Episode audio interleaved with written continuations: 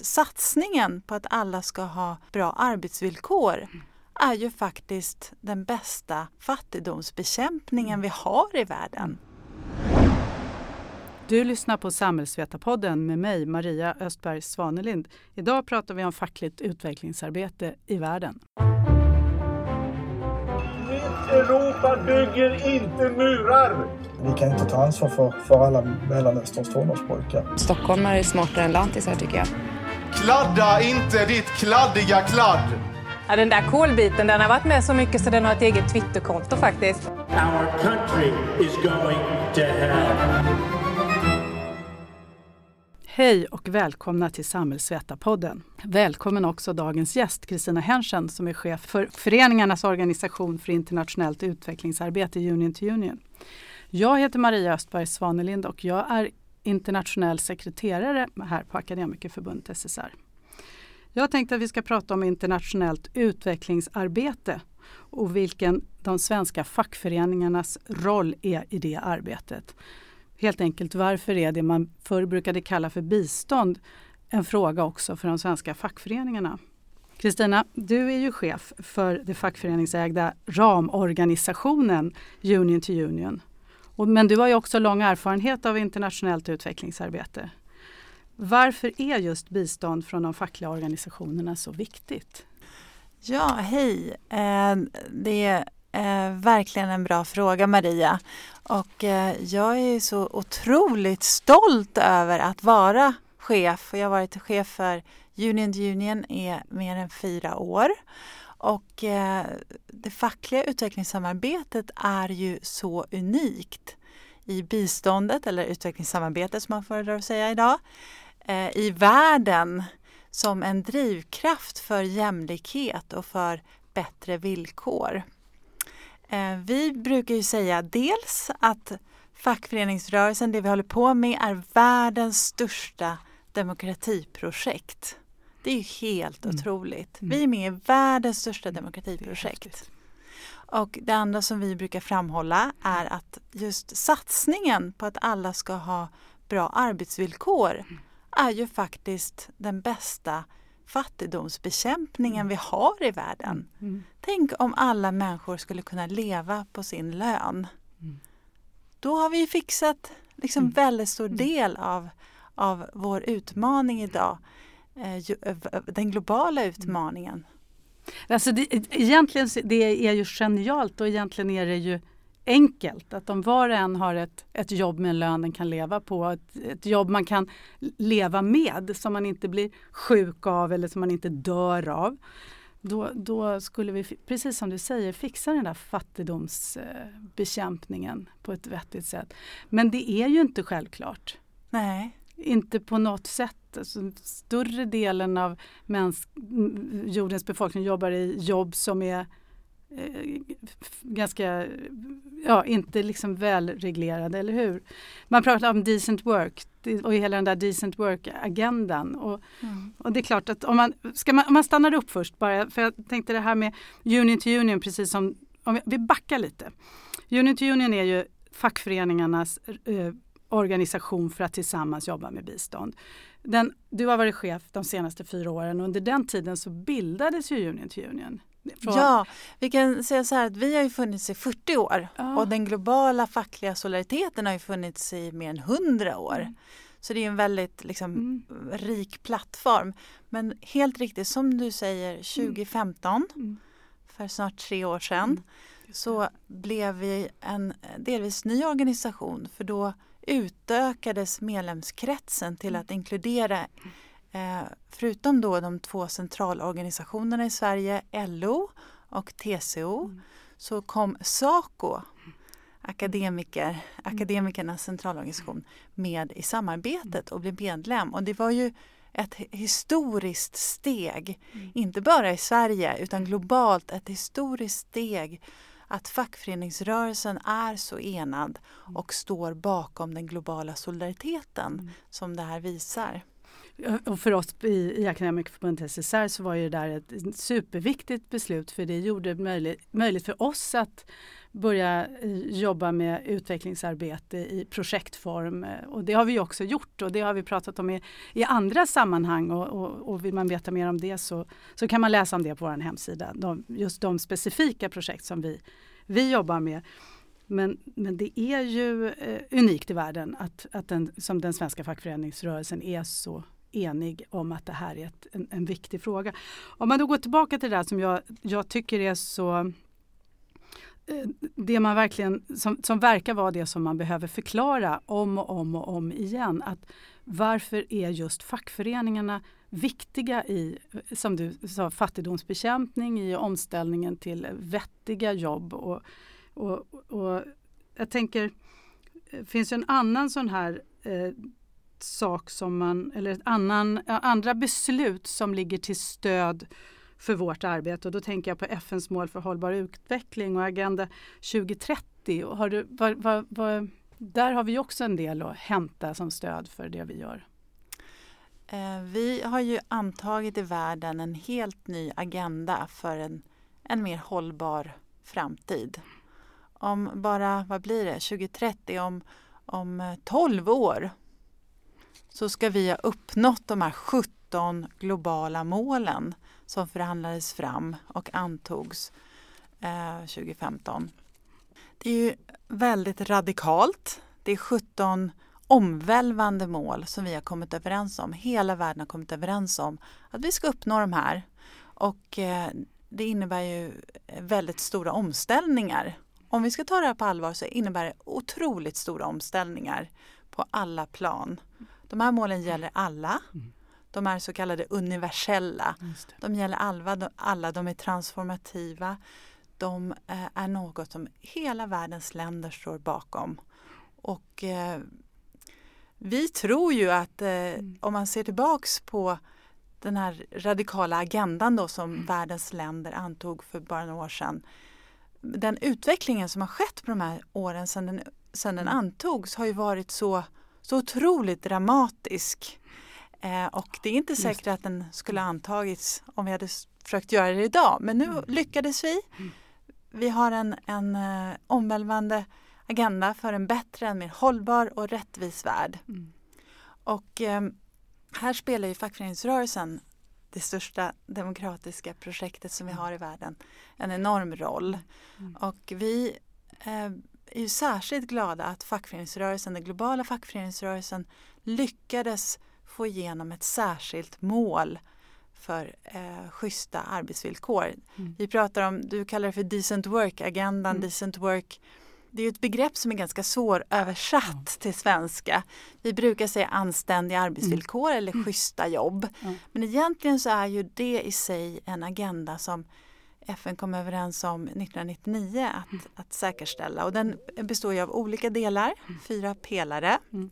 Den består av just rättighetsperspektivet.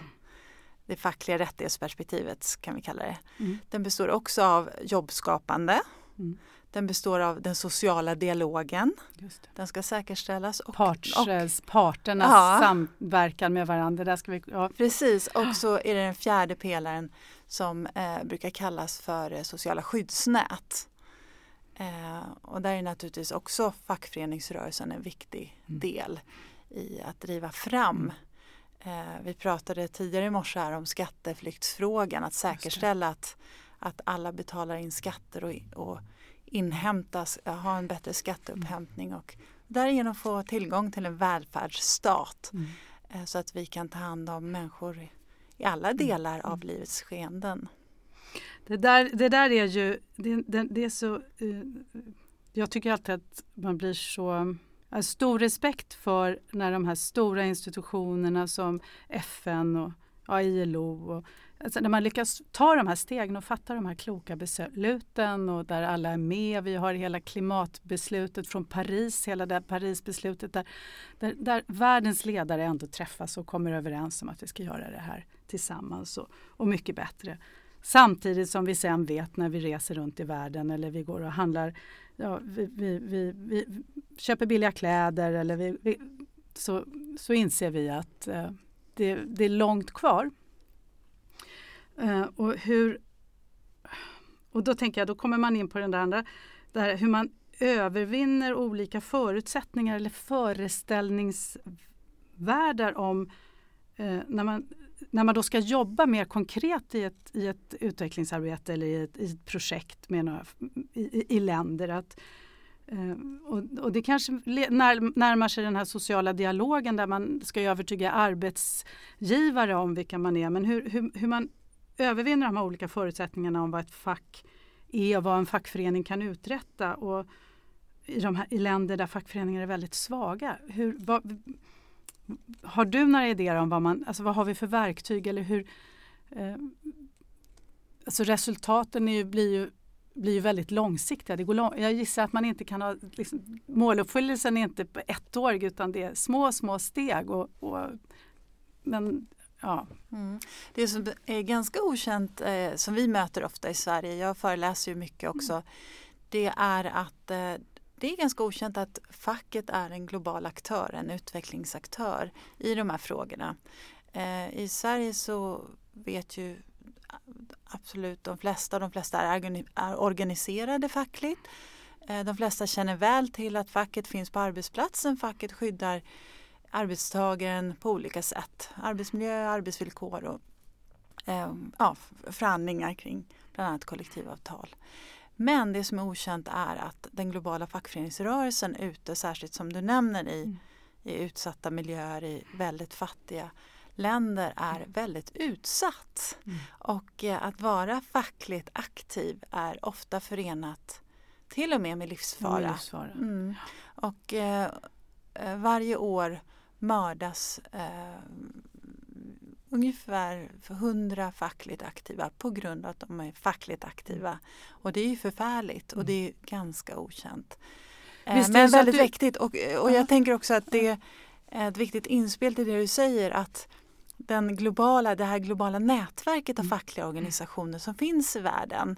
Vi har ju facket på väldigt, väldigt global, äh, lokal nivå och så har vi ett nätverk som finns globalt. Så mm. Det är liksom en hävstång. Så att mm. i de väldigt utsatta och fattiga eh, länderna så är det ju väldigt viktigt att man har en tillhörighet i fria och demokratiska fack som man kan använda sig av eh, moraliskt, eh, eh använda sig av förhandlingsmässigt och också eh, få, ja, ekonomiskt, eh, man får eh, stöd på olika sätt, inte bara ekonomiskt utan även eh, förhandlingstekniskt. Mm. Så att det finns en väldigt rik erfarenhet, en väldigt stark plattform för att hjälpa varandra och vara en motkraft mm. mot den här utvecklingen som inte alls eh, går eh, mot uppfyllandet av de här visst globala att, målen. Visst är det så att Världsfackets senaste rapport om den statusen i världen visar att det nästan går bakåt för fackförening, möjligheten att vara medlem och vara fackligt aktiv. Eller det är mm. i alla mm. fall inga stora hopp framåt. Mm. Nej, vi ser ju tyvärr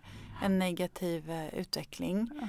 där allt fler uh, länder uh, bidrar till att utsätta företrädare, fackliga mm. företrädare eller aktivister för trakasserier och våld. Mm. Eh, ungefär 80 länder av de som undersökts i det här, den här eh, Global Rights Index mm. som det kallas, Just det. Just som, det. Eh, lanseras varje år. Mm. Eh, så ungefär 80 procent av de länderna så har man förnekar man arbetstagarna mm. rätten att, att eh, kollektivavtalsförhandla till exempel. Alltså det, det där tål att upprepas. Alltså att I 80 procent av världens länder, eller i de undersökta länderna, så är det inte tillåtet att, att förhandla kollektivt. Då skulle ett kollektiv, en kollektivavtalsförhandling vara olaglig. Det som för oss är självklart och, och, jag tror att hos väldigt många finns en idé om att vår modell är, den fungerar och är bra. Det, det, det, det tycker vi ju. Men att den man vill nog gärna tro att det kommer alla andra också upptäcka och då följer de oss. Medan jag är rädd för att det kanske är tvärtom. I en global, i en global värld så kan vi inte vara säkra på att våran modell är den som vinner. Utan, I varje fall inte utan att vi liksom värnar och pratar om och slåss för den där modellen. Den kommer inte att överleva av sig själv. Nej, och det är ju en väldigt eh, det finns ju många ekonomer som varnar för de sociala konsekvenserna Mm. av den växande ojämlikhet Mm. som vi ser. För det bidrar ju till en, en växande ojämlikhet om man inte tillåter arbetstagarsidan naturligtvis att förhandla och inte säkerställer arbetstagarnas Mm. rättigheter.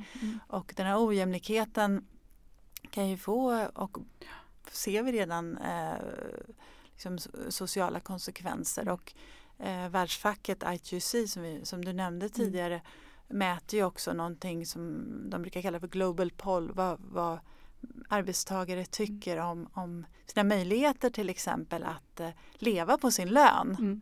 Och där anser ju 80 procent, också 80 procent, anser inte att de kan Nej. leva på den minimilön som finns i landet. Mm. Och eh, där kräver ju världsfacket att, att man ska höja Mm. Arbetstagarnas löner. De har ju släpat efter globalt. Mm. Och, men det är ju, de konstaterar ju att till exempel i, i eh, klädindustrin Mm. så en, en chef på de fem ledande klädmärkena, Mm. en liksom högsta chef, Mm. VD, tjänar på fyra dagar lika mycket som en textilarbetare i Bangladesh tjänar på hela sitt liv. Mm. Så det är enorma ojämlikheter. Den är som- ofattbar, alltså Mm. den skillnaden, en livslön på fyra dagar. Mm. Så det är så vi, vi eh, ja det är, det är ju verkligen förfärligt, det är provocerande och eh, det är väldigt farligt. Det är en farlig situation med en sån global växande ojämlikhet som vi ser idag. Den, den svenska regeringen, eller den svenska stats, Sveriges statsminister har ju ändå gjort, gjort en, eh, tagit ett initiativ under den här mandatperioden. Eh, det här initiativet som kallas för Global Deal.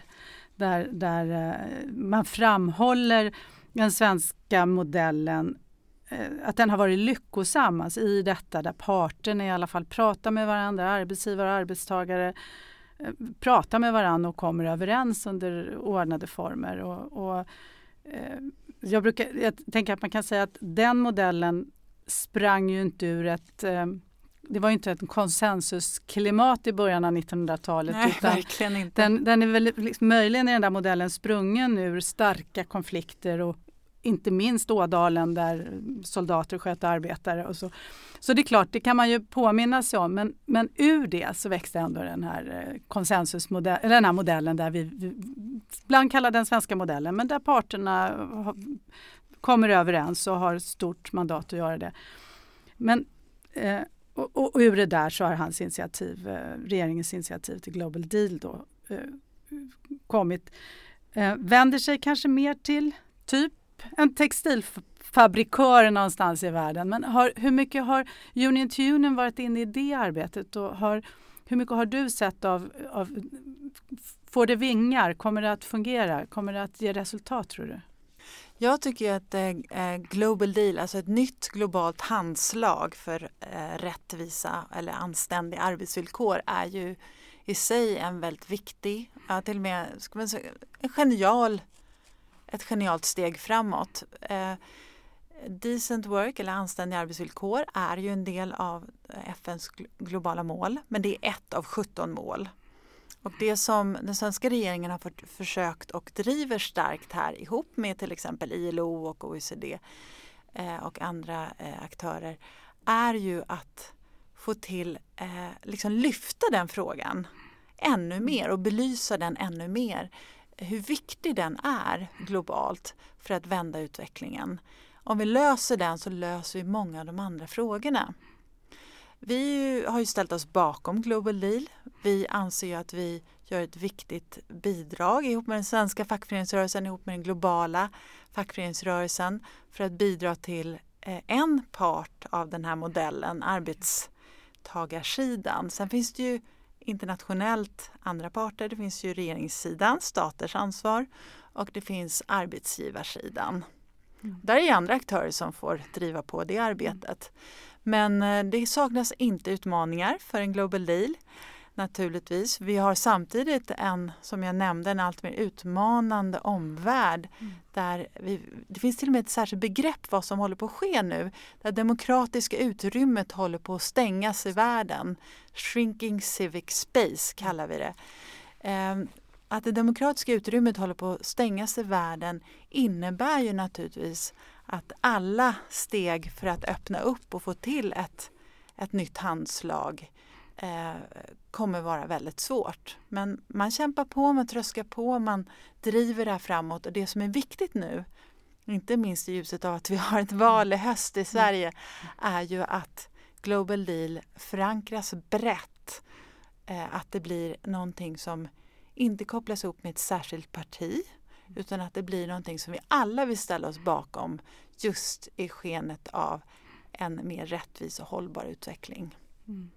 Jag hörde att den eh, franska regeringen har, eh, och franska fackföreningar och franska företag också tror jag har gått, vad säger man, all in och är väldigt entusiastiska.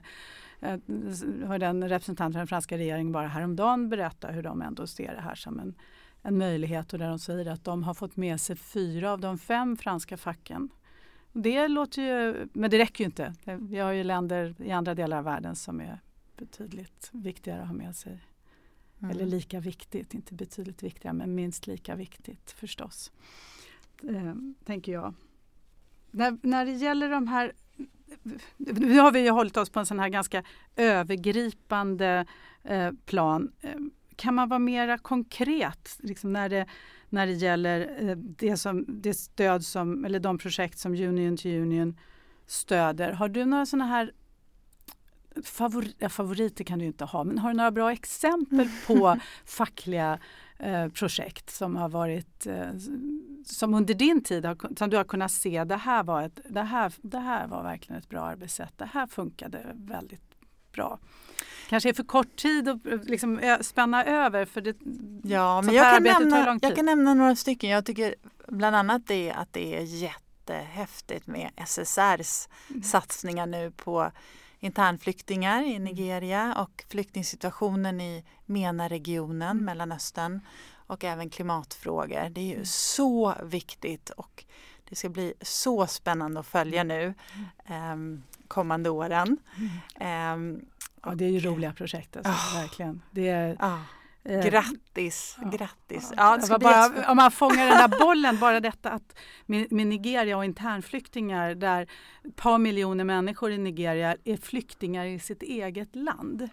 De, de eh, omfattas därmed inte av flyktingkonventioner, det finns särskilt regelverk för internflyktingar, men de är fördrivna från sina hem och sina bostäder och sina släktingar och familjer och sina jobb och bor någon annanstans. Och, och bakom det ligger ju då Boko Harams eh, härningar. Så det, det, är klart att det där.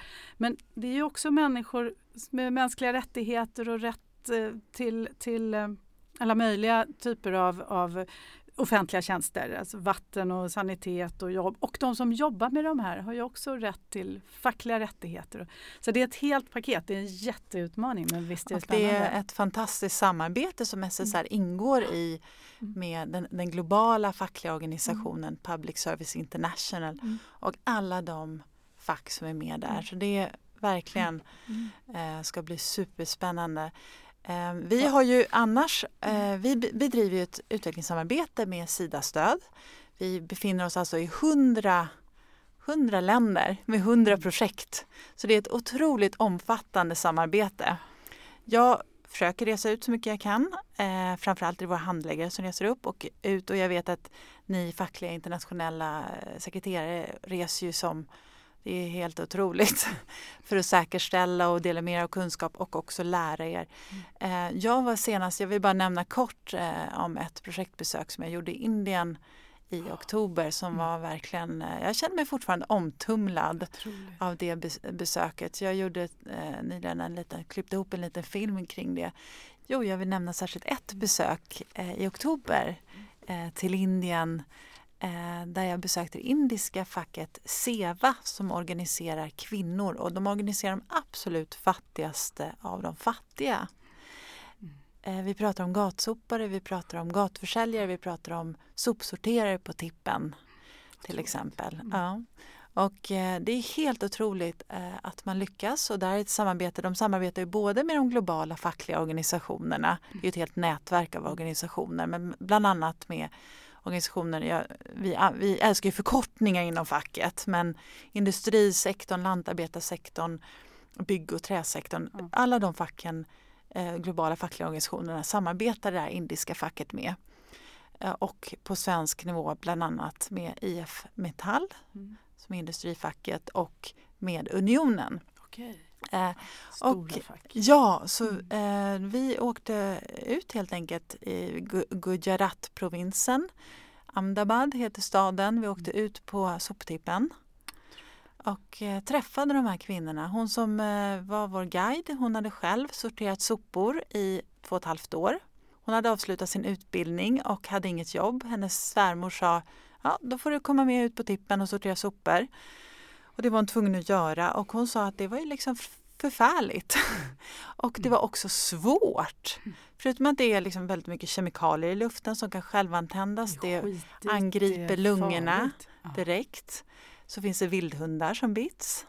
Du vet när du sticker ner en hand i en soppåse, vad kan du sticka ner handen i då? Det kan vara, du kan skära dig, du kan sticka ner handen rakt i en blöja, vad som helst. Eh, hon sa att det var väldigt, väldigt svårt att veta eh, vad en värdefull sopa är.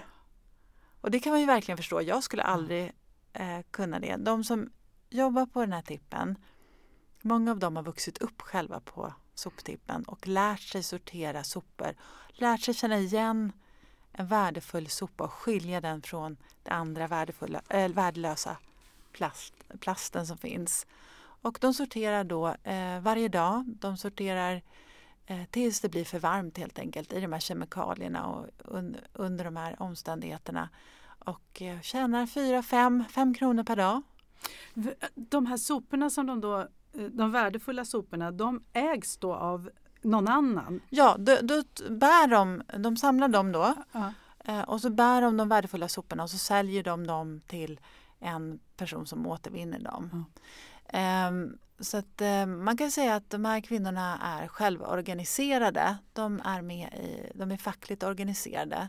Så när vi var där och den här eh, Pali då, som, som själv hade sorterat sopor, det kom fram kvinnor hela tiden och frågade ja nu vill jag ha hjälp med det och kan, hur ska jag göra med det här? Och det, hon var otroligt viktig för dem. Och hon kunde hjälpa dem med olika saker som de. Absolut. Ja. Det var, det var, det var, alltså där är kvinnor som verkligen, de har väldigt få rättigheter. Mm.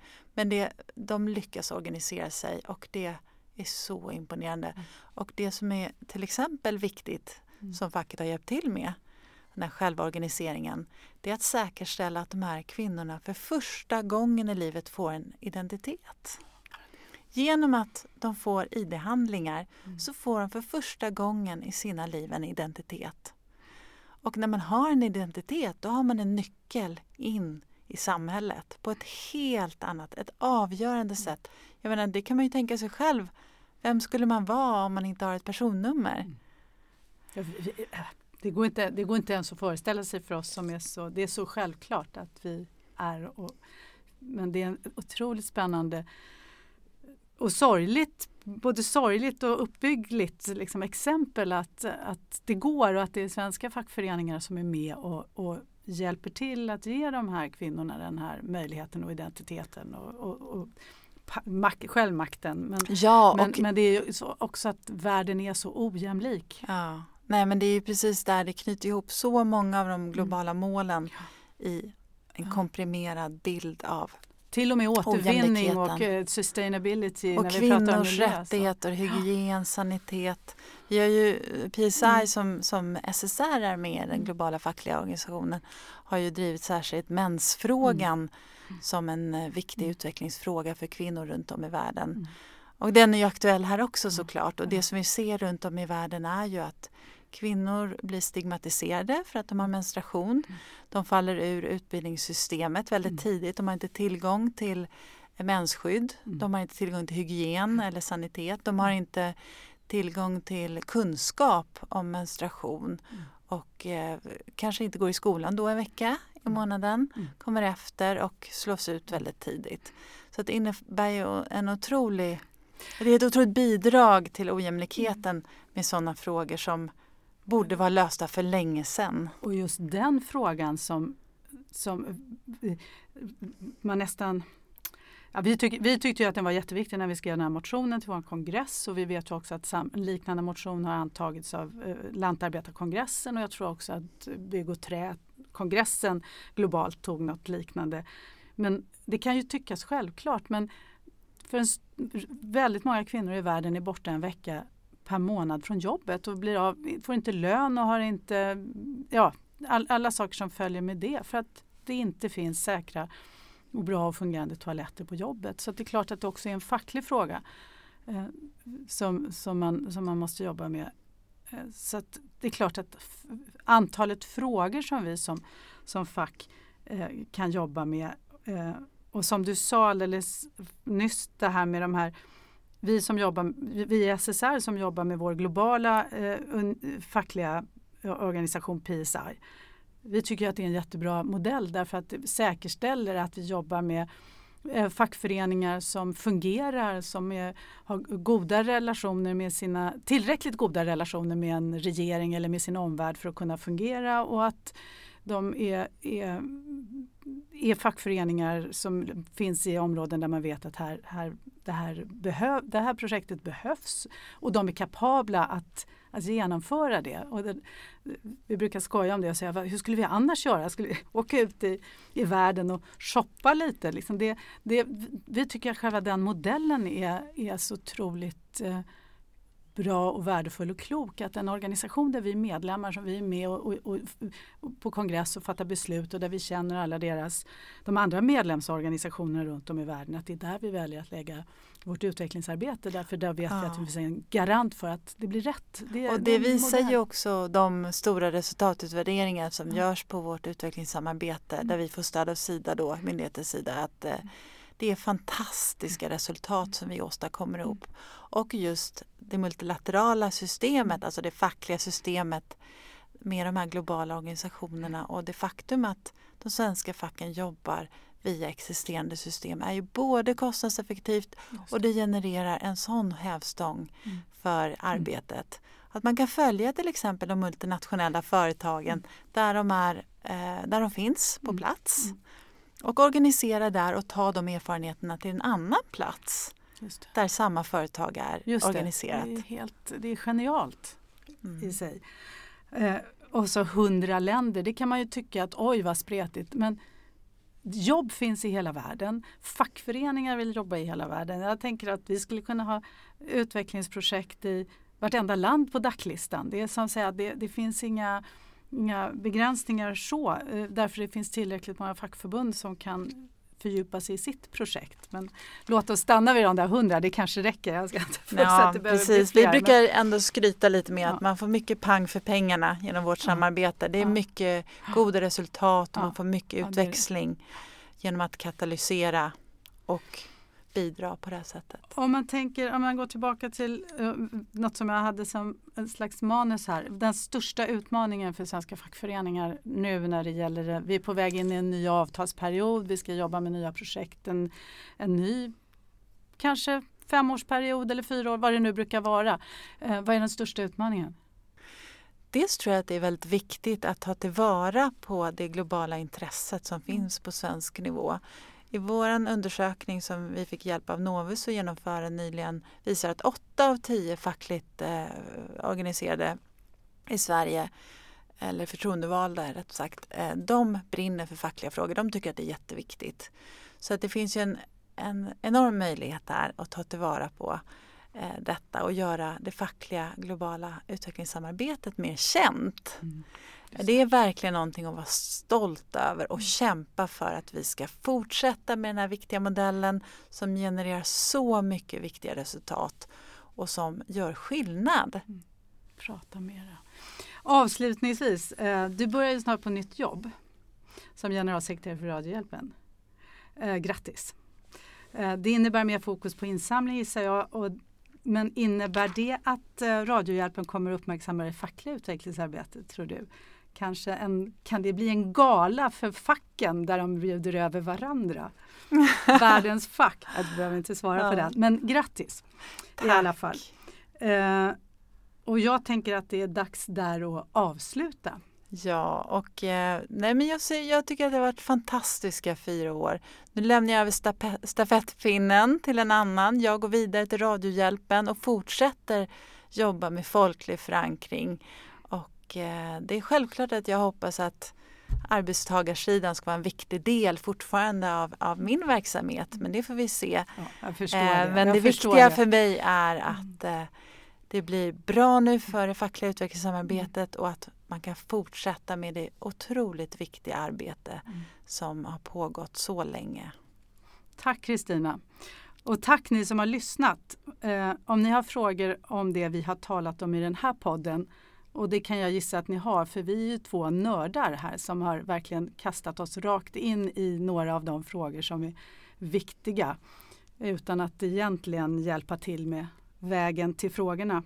Så har ni frågor om den här podden eller har ni förslag om andra ämnen ni skulle vilja höra, som du skulle vilja höra, så hör gärna av er. Använd våra sociala medier eller skicka ett mejl direkt till mig, maria.ostberg-svanelind akademssr.se maria.ostberg-svanelind akademssr.se och innan vi slutar idag Maria så vill jag verkligen uppmana alla att ta ställning för en ny ILO-konvention mot könsbaserat våld. Det pågår en kampanj nu så jag vill slå ett slag för den här kampanjen som pågår. Kolla på eh, fackens hemsida och det finns en skylt man kan eh, ställa sig med på Twitter, på Instagram, på Facebook och eh, ta ställning för en ny ILO-konvention mot könsbaserat våld. Väldigt tids, tidsrätt i metoo-tider. Gör det du också. Ta ställning för en ILO-konvention mot könsbaserat våld på arbetsplatsen.